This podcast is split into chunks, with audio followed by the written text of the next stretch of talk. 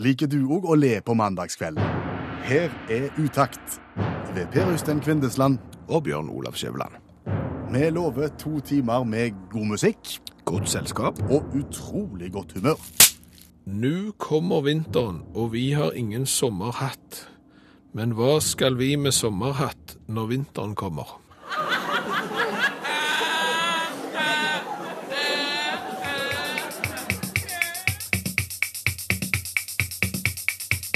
Og det er kjekt å være i gang. Det var September When, og utaktkvelden er ennå ung. Men den eneste planen vi har, det er å skape godt humør på mandagskvelden. Ja, og det har vi tenkt med å gjøre sjøl, og så har vi tenkt å få hjelp av du som hører på, hvis du har noen innspill til hva som kan være et godt tema for et godt radioprogram. Bruk eh, SMS 1987, start med utakt, eller så kan du følge oss elektronisk via Facebook. Det Der oppdateres det underveis, og der ligger det f.eks. et bilde. Ja, der ligger det et bilde akkurat nå. Det ligger et bilde av meg inntulla i det som kan se ut som et lagen. Ja, og tanken var å illustrere et spøkelse. Ja, sette fokus på spøking. Og det er ingen spøk. Nei, på ingen måte. Det vi har tenkt å ta opp annet i dette programmet i kveld, er jo det at vi syns at spøkelsene er blitt forutsigbare, de er blitt kjedelige, de tenker ikke ut forbi boksen, de driver med den samme resepten nå som de har drevet på med i hundrevis av år. Hva vet du egentlig om spøking? Ja, altså jeg har jo sett en del på TV Norge, eh, Sjette sansen, så der har jeg et eh, forhold til spøking. Jeg tror sjøl jeg har sett to spøkelser. Nei, fortell. Nei, altså, fortell og fortell, de sto nå der. Sant? Sa de noe? Nei, de sto bare der. Så, kjente du det igjen? Nei, det var sånn vage skikkelser, og de sto bare der. Kjedelig var det. Gørr? Ble du redd? Nei. Så bare forsvant de? Ja, ja, ja, det en stund, så det var nok en optisk illustrasjon eller noe. Men, men i hvert fall, altså, poenget her, Per Øystein, det er jo det at når vi hører om at folk har spøkelser i huset, Ja. så er det gjerne sånn at du hører fottrinn i andre etasje, selv om det ikke er noen i andre etasje. Eller så hører du Ja. Dunking i vegg er jo et godt gammelt spøkelsestriks. Fjerning av penner og andre lette gjenstander, godt gammelt spøkelsestriks. Skru på ting. fjernsynsapparat. Fjernsynsapparat for eksempel midt på natta, skru av og på lys i øst og vest, gjerne i en gang. Altså Draing av kjetting, er det fortsatt? Ja, altså, det var nok det tidligere. Der har det er lite draing av kjetting nå. Men, men, men poenget er at det er liksom Altså garp. Ja, oversatt. Fantastreker. Tøysespøking. Ja. Hva er det du vil sette fingeren på? Nei, Jeg syns nå at etter så mange hundre år med spøking, Ja. som det sannsynligvis har vært i, Norge, så bør spøkelsene være i stand til å finne på noe annet. Altså, Det er jo et kjempepot... Det virker som om det er en, liksom en ensidig gruppe folk som driver med spøking. Altså, som er spø- Spøkefugler? Ja, blir spøkefugler hele gjengen? Jo, men altså, de, de, det er liksom sånn, det er ingen som har tenkt at, vet du hva, han eh, andre spøkekameraten min her, han banker i vegg, skal jeg banke i vegg, jeg òg. Altså, hva med for eksempel å gjøre noe kreativt nyttig? Når du likevel skal spøke? Ja, fordi at istedenfor for eksempel å skru på TV, Ja. eh, skru på lyset i en gang, banke i vegg, hva med for eksempel eh, enkel oppussing? Sparkling? Ja, altså sparkling er kjedelig, sant? Og så hvis du da spøker i et hus der eksempel noen driver og pusser opp, for det er jo ofte i gamle hus der er spøkelser, sant? Og, og det er klart at da går husverten og legger seg, og istedenfor at du skal traske på loft i annen etasje og så liksom lage sånne lyder, så kunne du f.eks. ha sparkla ferdig. Altså du har jo hele livet foran deg bokstavelig talt som spøkelse, sant? Det, så du har jo god tid. Ja, ja, ja. Så, så du kunne jo bare gått i gang. Ja, og det er vinn-vinn, tenker jeg, fordi at det må jo være kjedelig i lengden. Altså, altså, Som spøkelse så må det jo være greit å komme seg opp der om dagen og, og nytte dagen og få gjort noe. det og klart Blir du sittende i ro, så, så, så blir det jo tungt. Ja, og istedenfor å bli en sånn en karakter som ingen vil ha i hus, sant? Mm. sånn at liksom TV Norge må komme og lage TV-program og få inn en sånn uh, synske for å få deg vekk. Det er klart at hvis du hadde bidratt med enkelt husarbeid, eksempel, tatt ut av oppvaskmaskinen på kvelden, f.eks. Ja. vaskt opp, Uh, vask, uh, dusj, eksempel, å vaske dusj er jo gørrkjedelig med alt det der kalket som sitter på glasset. Altså, et spøkelse har jo hele kvelden og kan gå der og tusle for seg selv. Ja, ja. Vi skal snakke om noe av det mest irriterende som fins i hele verden. Ja. Du er kjempetørste. Du vet at det fins en brusautomat i umiddelbar nære. Du går, du oppsøker denne brusautomaten, putter på en femmer, eh, to femmer, eh, tre femmere. Maskinen svelger alle tre femmerne, men gir ingen brus. Ja, det er kolossalt eh, irriterende, og det er et tema som jeg tror flere enn oss har opplevd, og vi tar det jo nå opp fordi vi har opplevd det begge to. Det, det rant, det bruste over. Ja, det bruste bokstavelig talt over nå eh, nylig. Fordi at vi har en brusautomat eh, på jobb. Den bråker så infernalsk at han ble flytta fra sentralt beliggende sted til totalt usentralt beliggende sted nederst i en trappegang. Så du må rett og slett ta initiativ for å få tak i brus. Du må ned i eh, kjelleren. Ja. Men det gjorde vi. Ja, og, og det har vi gjort mange ganger. Vi kan stå fram som brusdrikkere. Eh, Men nå har den automaten med flere anledninger ikke gitt oss brus når vi har gitt den penger. Ja, og vanligvis så går du jo bare da og tenker ah, irriterende. Ja, så, og så tenker du, ja, ja, det er ikke så store summer. Det finnes verre ting i verden, sant? Du kunne fått parkeringsbot for 500-600 kroner, så la nå det være. Men går det an å gjøre noe med det? Har du egentlig noen rettigheter når dette her skjer? Det er jo Ja, for, spørsmålet. for som sagt, nå bruste det over, og til, nå skal rett være rett, så, så vi måtte ta kontakt med de ansvarlige, og det står et kontaktnummer på brusautomaten, så det ringte jeg opp. Ja, jeg, jeg hørte det når du snakket med dem. Ja. Du sa Ikke noen viktig sak, men jeg bare lurer på, hva gjør du da? Ja, forbrukerkontakt, ja. Ja, ja takk skal du ha. Så vi ringte forbrukerkontakt. Ja, vi ringte forbrukerkontakt. Hei, Bjørn Lars Skjæveland, som ringer fra NRK. Hei, du, eh, vi har en colaautomat eh, stående i kjelleren på jobb. Jeg bare lurte på, som kunde, for normalt sett så klager vi jo ikke på ting som er, vi har gått glipp av fem kroner og sånn, men, men som kunde, hva skal jeg gjøre når jeg ikke får brusa mi når jeg har stappet på penger på en sånn automat? Da ringer jeg til deg. Ja. Da har jeg ringt til deg. Hei, jeg heter Bjørn Olav, vi ringer fra NRK. vi har en colaautomat i kjelleren. Ja. Mm. Ja, jeg har sånn smarttelefon, ja. ja. OK. Så, så jeg må, men jeg kan ikke få brus på jobb, da. Da må jeg på en annen brusautomat for å hente ut de to brusene jeg har gått glipp av. Strålende. Snakkes. Hei. Ja, nå hørte vi bare det du sa, vi hørte ikke det som damen i andre enden sa. Ja, for jeg kunne ikke opplyse om at denne samtalen kom til å bli tatt opp, så det ble ensidig eh, meg, men eh, dere fikk gjerne med dere noe av essensen. For det som er greia her er Essensen. Ja, ja, ja. ja. Men, men det som er essensen, er nemlig det at hvis du ikke får ut brus, så har de rett og slett en måte du skal forholde deg på. Og det er den at du får beskjed om at hvis du har en smarttelefon, altså en sånn med sånn artige skjerm som du kan trykke på og kan ha appser og downser på, Ja. så, så skal du laste ned en app. En app som gjør at du kan kjøpe brus på brusautomater som støtter kjøp av brus ved app. OK. Er du med? Ja, og det gjorde du lasta ned appen, Den lasta jeg ned. og så gikk du i kjelleren. Ja, og så skulle jeg opplyse om eh, navn og konto og alt sånn, og så skulle de sette på en måte over penger til meg for den brusen jeg hadde betalt, og ikke fått sånn at mi- min konto på apps-kontoen skulle fylles opp. Akkurat. Ja. Eh, To-tre to, flasker du oppga du ikke hadde fått. Ja. Og så tok du med deg mobilen og gikk i kjelleren. Nei, det gjorde jeg ikke, for den automaten i kjelleren, den... eh, Den er- bråker såpass mye. Nei, men den er såpass gammel, for det er en gammel Royal 550, eh, så, så den støtter ikke kjøp av brus med app, så jeg måtte ut og lete etter en brusautomat som hadde app, Ja. sant? og kjører jo rundt, sant? Og der er det en brusautomat, støtter den app? Nei, den støtter ikke app, og så kjører du videre, og, sant? og du blir jo helt... Ja, du, du, du får rett og slett for deg at jeg skal ha brus, skal ha brus, skal ha brus. Jeg fant jo ingen brusautomat, og til slutt så dukte det opp en som støtta app. Ja, så da gikk du i gang, og så fikk du ut brus. Nei, Det fungerte ikke. Det kan godt hende det fungerte, men de hadde ikke fulgt opp kontoen min, så det saldoen min for bruskjøp var null, så jeg sto da med en app-styrte brusautomat og en saldo på null, sant? så dermed så måtte jeg jo legge på 15 kroner av mine egne. Har du gitt deg nå? Nei da, jeg skal ha brus om jeg så skal kjøre verden rundt for disse 15 kronene. Bare vent til saldoen min stiger her nå, så skal det bli brus. Madonna med sin moderne versjon av American Pie. Ja, og jeg leste i et uh, ukeblad av, av typen eh, sladder at uh, Madonna og datteren var forelska i, i samme karen, og det må være vrient. Det er en utfordring. Det er en utfordring, men klart han var jo 17 år. Sant? Sånn er det når du har ei sprek mor på 150 så ser ut som hun er 17. At hvis du da er forelska i en 17-åring på din egen alder, så blir mor din det gjerne òg. Jeg tror vi stopper der. Det var haugen på nok. Ja, Vi går videre til sønnen din. Ja.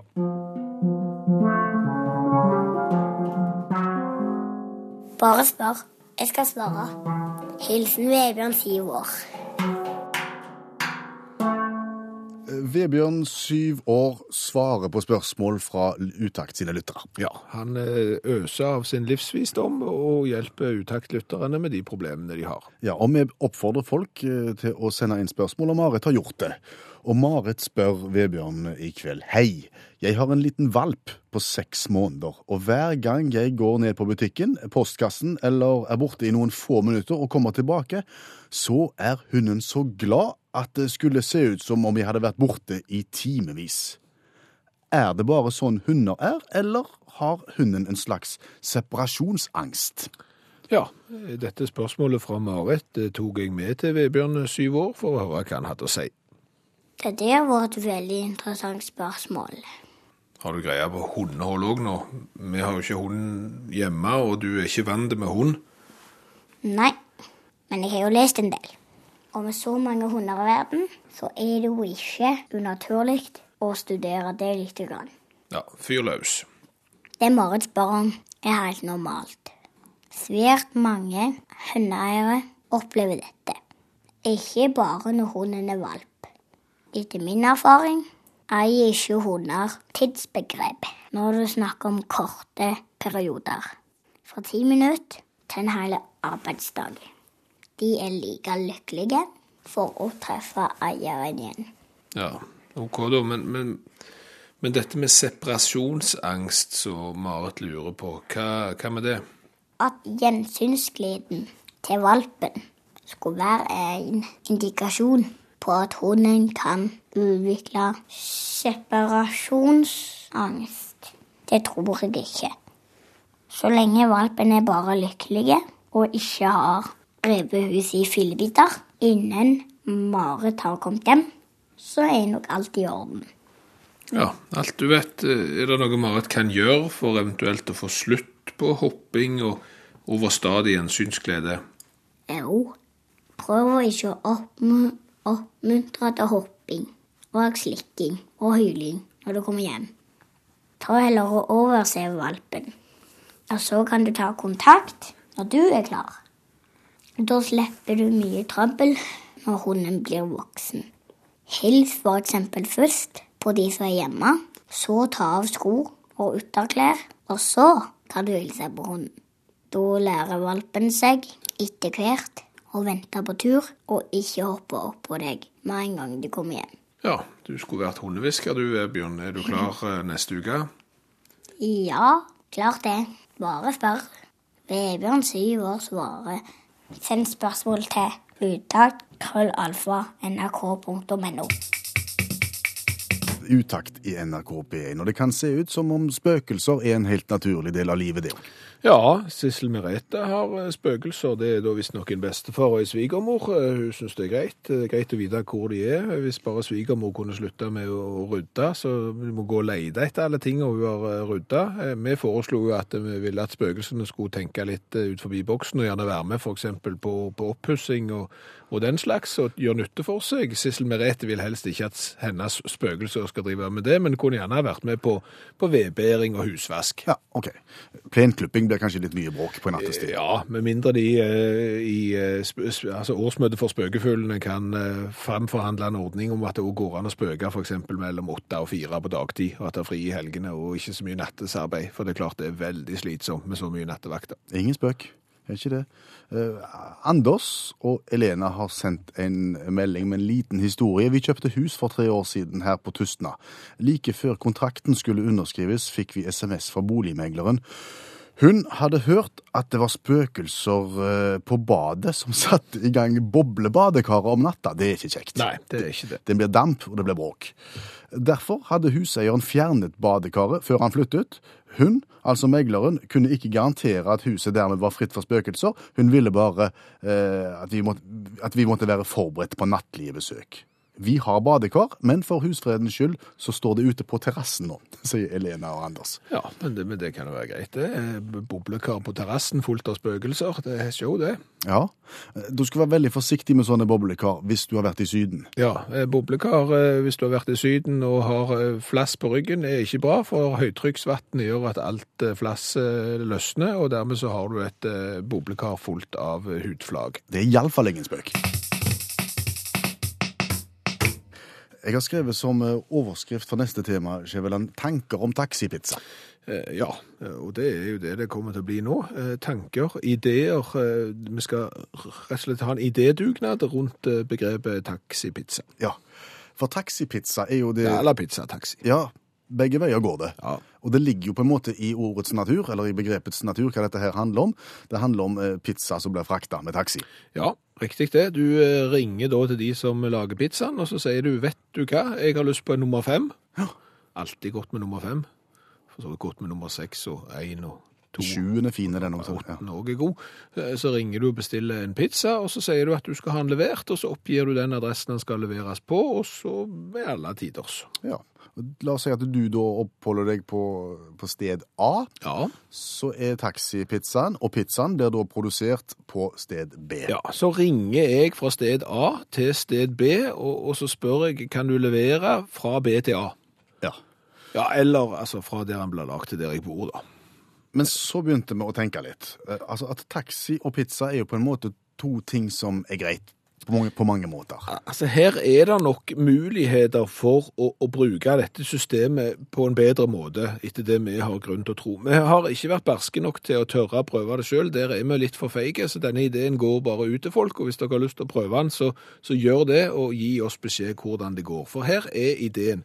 Istedenfor å sitte på på sted A og ringe til pizzasted B for å få de til å levere pizzaen på A. Ja, Kan ikke vi si det på en litt annen måte? Kan vi ikke si at du er i byen, Ja, og du skulle vært hjemme, og Ja. så er du kjempesulten og Ja. har lyst på pizza? Ja, så kan du eksempel bare stå rett ut forbi pizzataxiplassen, så kan du bare ringe til dem og bestille en pizza, og i det de går ut av døra, så sier du, den er sikkert min, den skal leveres der, kan jeg få sitte på? Ja. Den skal jo dere likevel, Ja, med taxi. Og, og, og det er jo ikke noe merarbeid for de som kjører pizzaen, for de vil jo allikevel måtte ha kjørt til den adressen for å levere pizzaen. Den eneste, jeg vil si fordelen, er jo at den stakkars sjåføren får jo selskap. Ja, han slipper å kjøre alene. Ja, og dette er jo en vinn-vinn-situasjon. De får levert pizzaen, de får en sjåfør som blir gladere på jobb for han får selskap, du får pizzaen din, du får billig taxi. Ja. Eller gratis taxi, faktisk, hvis du ser på det sånn. Så dette er jo, dette oppfordrer vi folk til å prøve. Bestill pizzaen på stedet og bli kjørt hjem sammen med pizzaen. Tanker om taxipizza der, altså. Ja. Og så er det deadline day i dag, Skjæveland. Klokka ett i natt er det slutt. Ja, og hva er deadline day? Nå må du hjelpe folk litt. La meg hjelpe. Deadline day er den dagen, eh, den siste dagen, hvor en har lov å kjøpe og selge eh, fotballspillere internasjonalt. Ja, Så, så når Manchester United eksempel har slitt big time innledningsvis i serien i år, så trenger de å kjøpe forsterkninger, trenger eventuelt å leie forsterkninger, og det har de da klart å gjøre nå helt på tampen. Eh, Det sies at de har fått leid inn den berømte Falcao, og han er dyre å leie, og han er dyr i drift. Ja, Så får man se om det hjelper. Ja, og, og nå for 20 minutter siden så kunne vi lese her på VG annet at Arsenal og Manchester United har kommet til en enighet om overgang for eh, Danny Welbeck. Eh, Arsenal betaler 160 millioner kroner for han, så han går den veien. Og det er ennå noen timer igjen. Alt dette her må skje før klokka ett i natt. Ja, og det handler om mye penger. Veldig mye penger. Men det har vært fotballoverganger tidligere i historien som ikke nødvendigvis har involvert så mye penger, men kanskje andre ting. Og vet vi noe om det? Nei, vi vet ikke noe om det, så da setter vi allmennlærer Olav Hove med to vekttall i musikk på saken. Eh, Som forteller om andre måter eh, enn å sørge for overganger på. Det har vært et varebytte, ja. Uh, og uh, vi kan gå til 1982 og til Crockenhill, som, er, som, som alle vet er en, en, en liten klubb utenfor London. Kjent for to ting. Eh, de har horisontale striper på førstelagsdrakten, og så har de vertikale striper på bortedrakten. Veldig spesielt. Andre tingen de er kjent for, at de fostrer um, Tony Cascarino, tanksenter. Uh, født og oppvokst i London, og selvfølgelig da uh, ble dominerende på det irske landslaget. Ja. Ja. Stor og sterk og voldsom og, og skåra masse mål, tok for seg. Hadde ett ønske i livet, og det var å bli frisør og yogainstruktør. Ble ikke det. Han ble fotballspiller. Han ble irsk tanksenter. eh, så, så, så han, eh, historien vil det slik da, at han, han ble solgt fra, fra Crockenhill til Gillingham i 1982. For kroner. Nei, det var det som var problemet, for Gillingen var litt dårlig på cash akkurat da. Så de, de, de prøvde seg først med å, med å, å, eh, å gi han eh, Sende litt treningsutstyr, overtrekksdrakter og litt sånne ting. Eh, Men, men eh, Crockenhill sa det er for lite. Så, så var det oversvømmelse i klubbhuset i Crockenhill, så det enda opp med at det ble overtrekksdrakter. Et eh, draktsett, fire fotballer og 110 kvadratmeter med bølgeblikk i overgangssum for Tony Cascarino. Og de aksepterte de? De aksepterte de. 88 landskamper for Irland. Eh, Fiffig. Eh, Men, men det er jo England også, ofte vi snakker om når det er dette overgangsvinduet. Men det er jo andre ligaer òg. Hvis vi går til Norge, har vi noen gode overgangshistorier der? Norge er dominerende på varehandel innenfor overganger. Ja. Vi kan, eh, kan begynne i tredjedivisjon med Kenneth Kristiansen, som gikk fra Vindbjart i Fløy i 2002. Fløy hadde ikke kroner for han, Vindbjart ville ha noe for han. Og etter, etter langt, eh, lange diskusjoner så kom vi fram til et forlik at eh, Fløy fikk Kenneth Kristensen sin vekt i reke i overgangssum. Var han en tanksenter? Ble det mye reker? 75 kilo akkurat. 75 kilo ja, det er i kampen mot Arendal. Eh, og dette her har spredd seg. Det er helt opp i tippeligaen har vi hatt overganger der varehandler var involvert. Og vi, og, og vi skal inn i år 2004. Så seint? Ja, og vi skal til Titten Stensland sin overgang fra Steigen til Bodø-Glimt. Nå reagerer de helt sikkert på Titten. Um, og det er for han heter egentlig Ole Kristian, men, men han blir bare kalt Titten. Jeg vet ikke, han var kanskje litt hengslete i oppveksten. Jeg har ikke peiling. Eh, men uansett, uh, Bodø-Glimt trengte en backup til litt aldrende Stig Johansen. Ja, og da tok de en titt på titten. da tok de en titt på titten. Eh, og så er det litt For de som kjenner folk fra Steigen, så vet de at de kan være en smule skrytete. Så det er en del røverhistorier om titten sine eskapader, og har skåra enormt mye mål. Blir det sagt i Steigen, da. Og Steigen er jo, som alle vet, ei øy utafor uh, Bodø. Um, og, og når han da ble aktuell, så ville jo ikke, ville jo ikke da styre med Fred Eliassen, ildsjel, som vi òg veit, lager lage skjær i sjøen på den 50 minutts lange båtreisen det er fra Steigen til Bodø-Glimt. Så de, de ville ikke ta så mye penger for han. Og disse Bodø-Glimt er ikke aktuelt å betale så mye for han. Han er 32 år gammel og er stort sett skada, så det er ikke så interessant. Og da er vi spente. Ja, De tok et styremøte og så fant de ut at vi er strålende fornøyde med alt i denne klubben her. Det er de i Steigen. Eneste vi er litt misfornøyde med, er at det blir solgt veldig lite kaffe.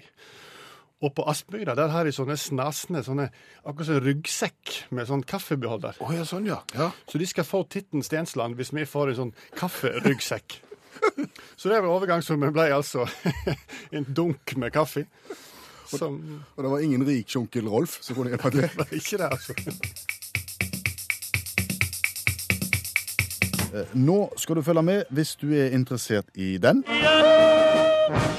Og ikke fullt så interessert i den, men interessert i konkurranse. Ja, Gladjodling og trist jodling indikerer at det snart er konkurransetid i eh, utakt, og det er en konkurranse som er veldig grei å være med på, for du får premie uansett hvordan det går.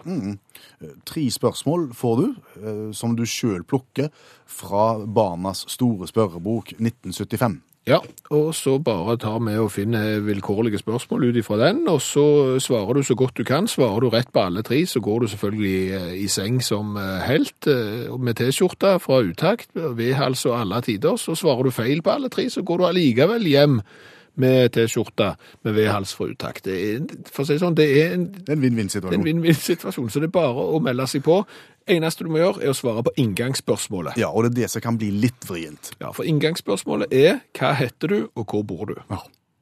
Men svarer du riktig på det, og sender det svaret til, til 1987 og starter meldingen med utakt, så er du med i trekningen om å få være med. Og det er mange som har lyst, så bare heng deg på nå. Det er faktisk de som har svart feil på inngangsspørsmålet.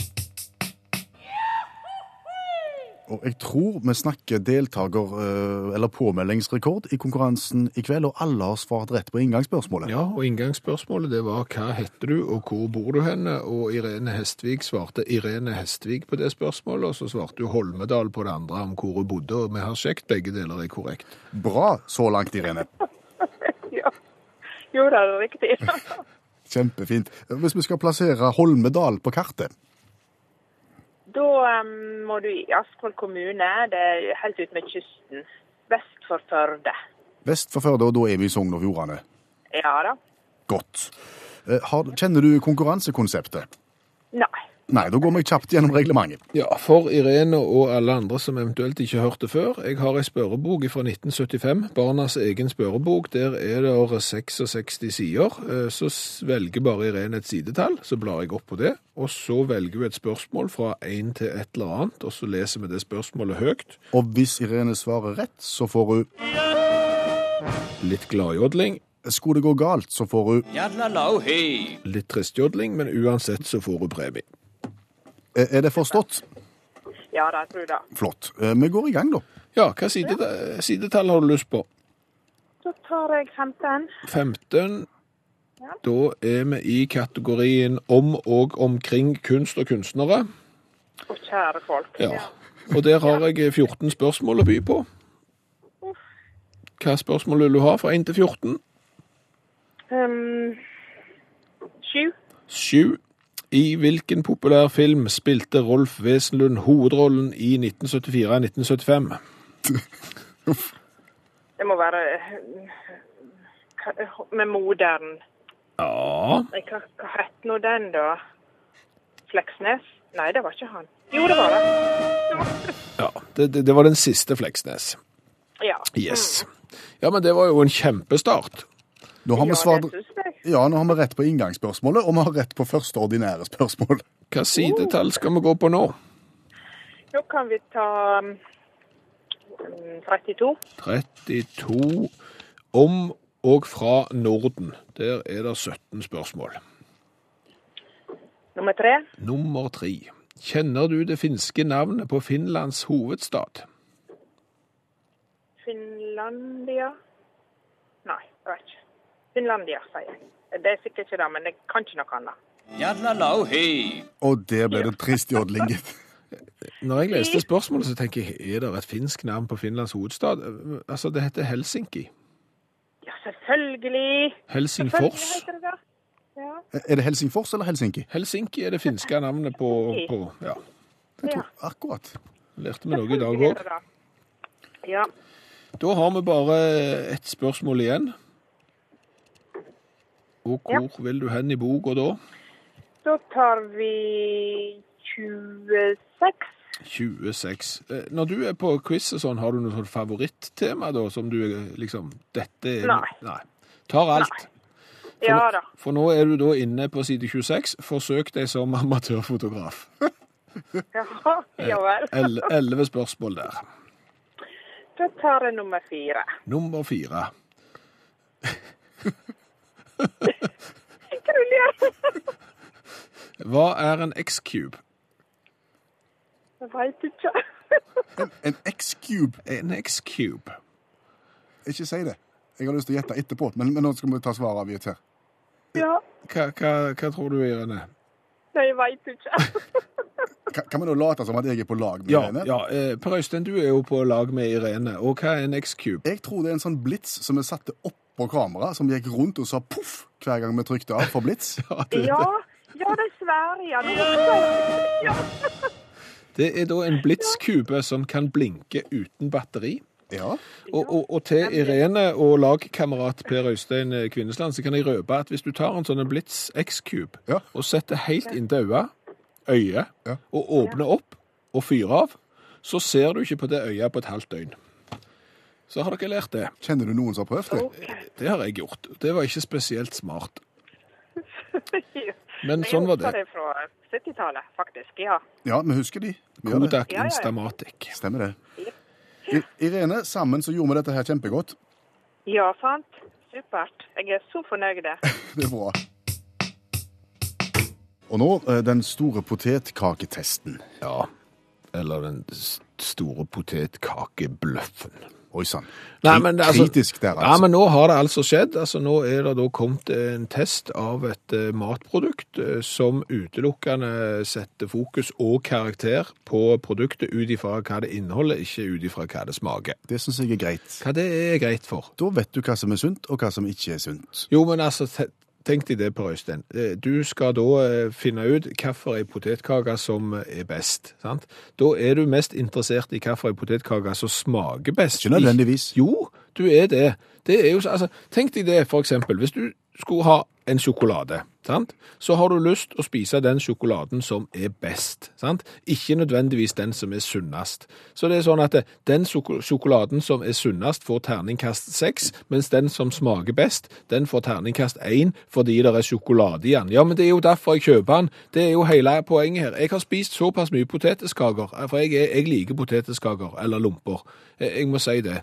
Gjerne med pølse inni, for eksempel. Eller smør og sukker, for den saks skyld. Så jeg vet at det er stor, stor, stor forskjell i smak på potetskakene. Og her har de bare sett vekk ifra i denne testen som bramat.no har gjort, og som er referert i mange av Norges aviser, så har de utelukkende fokusert på, skal jeg lese høyt, Ja. I denne testen har vi sett på et utvalg potetlomper som finnes i de største dagligvarekjedene. Så kommer poenget. For å gjøre en ernæringsmessig vurdering av produktene har vi sett på hvor mye protein, salt, fiber de inneholder. Mengden protein og fiber trekker opp, mens saltinnholdet trekker ned. Og nå kan jeg fortelle hvem som er vinneren. Det er Ola Lompa. Ola Lompa. Olalompa er testens vinner pga. høyt fiberinnhold, men innholdet av salt burde vært lavere. Okay. Altså For å si det sånn, med disse kriteriene her, så skulle jeg klart å lage en terningkast seks lompe. Jeg skulle hatt et skyhøyt fiberinnhold, og jeg skulle hatt null salt i den, og dermed så hadde han jo vunnet, men han hadde jo ikke smak som en potetskake. Og dermed så er jo ikke dette her reelt. Dette er noe tull, dette er noe vas, dette er bare Jeg skjønner du er engasjert i dette her. Ja, altså som, som ivrig potetkakespiser så syns jeg at det her blir eh, for dumt. Altså Hvis du kjøper en potetskake, så har du lyst til at den skal smake potetskake og være god. Ja, ok. Og vi har vel erfaring med at potetkaker og hva som skal være på, det er noe som engasjerer. Absolutt. Eh, altså Jeg husker en gang vi snakket på radioen om potetkaker, og vi spurte hva skal være potetskake, og vi har aldri hatt så mye meldinger noensinne. Vi kan gjenta den eh, greia der. Hva skal være på potetskaker? Hva skal være på? Altså, hva vil du smøre på den? Ja, for det er forskjellige skoler. Du har den skolen som kjører smør, egg og salt. Den tilhører ikke jeg. Eh, Det er andre skoler som kjører smør eh, og sukker. Der er jeg. Eventuelt så kan du alltid hive oppi en liten wiener, eksempel, med litt rekesalat, litt sprøløk, litt agurkmiks, og så tar du et brød ut på det hele der. Da har du en liten godtepose av, av en kaloribombe. Terningkast seks der, altså. Lite fiber. I love your smile med Shanice eller Shanice? Det skrives med ICE på slutten, altså som ice, ice cream, så da er det sikkert Chinese. Vi går for det. Men det er sikkert det. Antakeligvis. Du, nå blir det løye. Nå blir det Nå løye. blir det ordentlig Nå blir det løye. Nå blir det bra. Utakt leser høyt fra boka 'Norges morsomste vitser'. De beste vitsene fra NM i humor. Aldri si aldri. To ungdomsvenninner møttes etter mange år. Gjensynsgleden var stor og spørsmålene mange. Hvordan har du det? Har du giftet deg? Å, jeg har det så bra, sa den ene. Snill mann og to deilige unger. Men hva med deg, da? Har du giftet deg? Å, langt ifra, sa den andre. Aldri har jeg hatt noe med mannfolk å gjøre, og aldri skal jeg ha det heller. Verken jeg eller datteren min.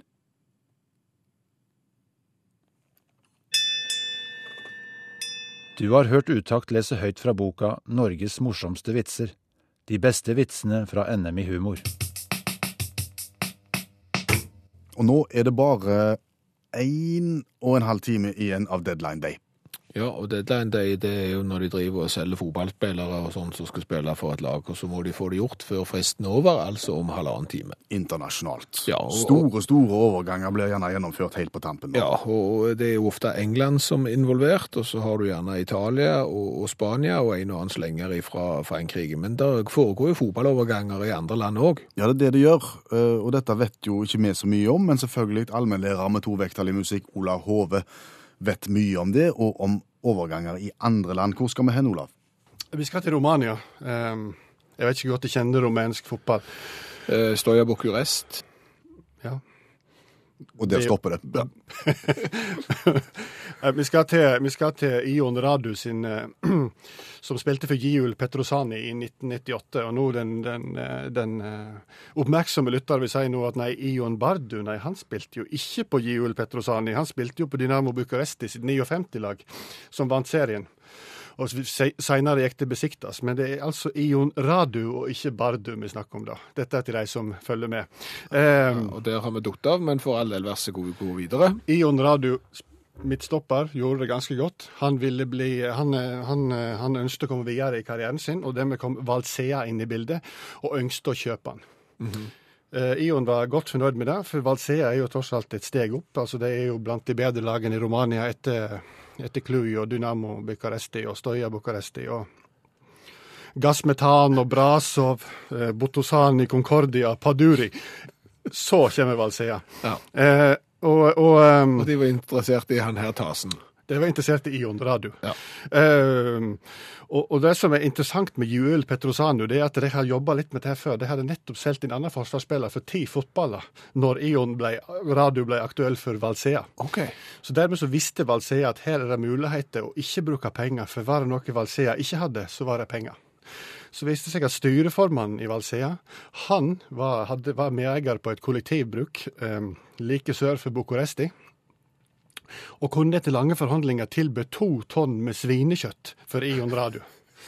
Noe som da ble overgangssummen, og som er rekord innenfor overgangssummen overgangssummer der svinekjøtt har vært involvert. To, to tonn. Og dette var ferskt òg? Dette var ferskt, ja. Ble solgt til lønninger til spillerne på Giul Petrosani. I 1998. 1998, ja. Så gikk, Lurer på om de var lei av svinekjøtt etter en stund, disse spillerne. da de solgte det, vet du, så fikk de lønn for det. Det var sånn, ja, det var sånn.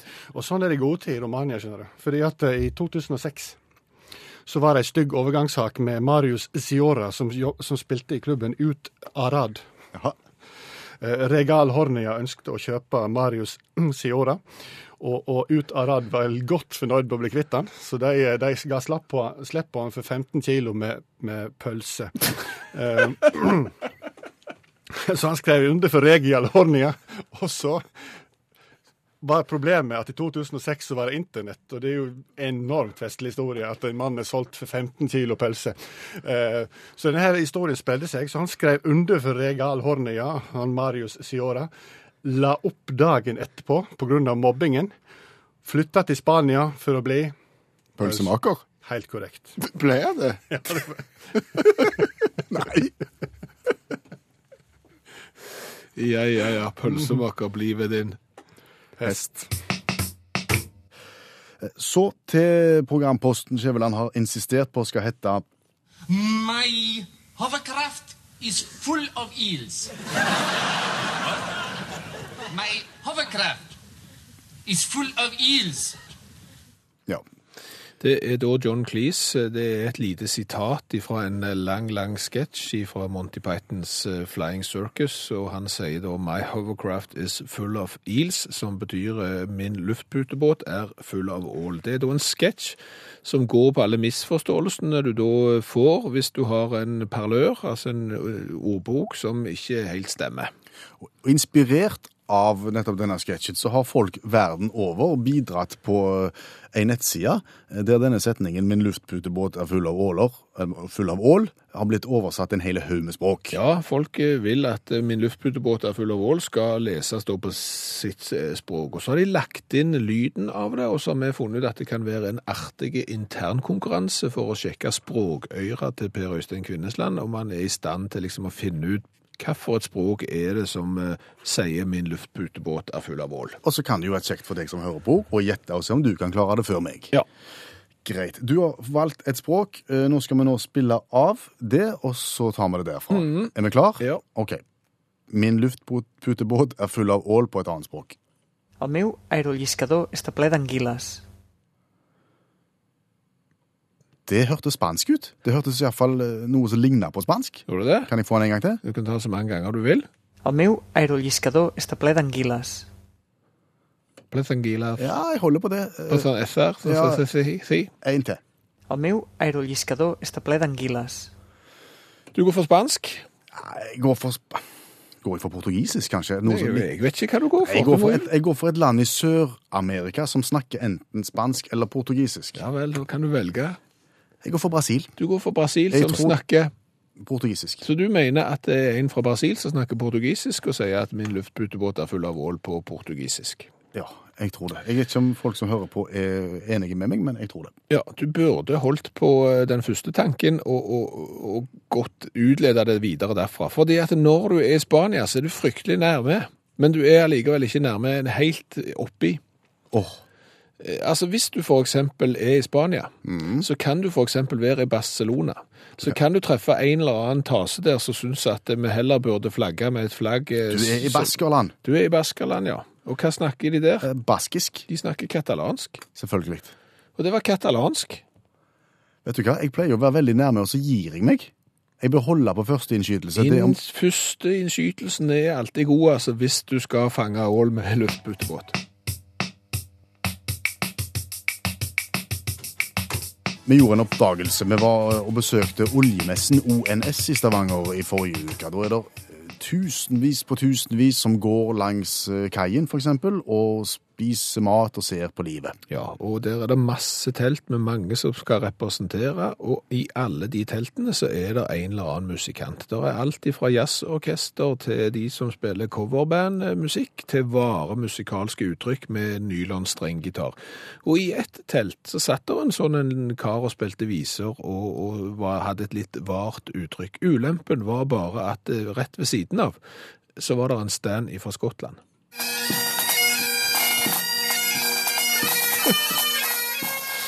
Så det fikk oss til å tenke, hvis du skal bli eh, pubmusikant, hvis du skal bli trubadur, så tenk beliggenhet, beliggenhet, beliggenhet når du skal plassere deg. Absolutt. For hvis du har valgt et vart uttrykk, f.eks. for eksempel det å synge viser eh, på norsk, eksempel à la Ole Paus eller noe sånt, så, så, så bør du ikke plassere deg da i teltet ved siden av eh, de som spiller sekkepipe. For sekkepiper er vel på en måte litt som jodling. Sekkepipa er utrolig tøft. Ei bitte, bitte, bitte lita stund. Du får en kjekk kveld, Skjæveland. Det har vært eh, alle tiders, og tusen takk til alle som har bidratt eh, med innspill og meldt seg på konkurranser og alt. Og vært med og skapt godt humør på mandagskvelden, som er tanken. Jeg heter Per Øystein Kvindesland, Jeg heter Bjørn Olav Skjæveland. og nytt uttakt blir det mandag om ei uke til samme tid. Hør flere podkaster på nrk.no podkast.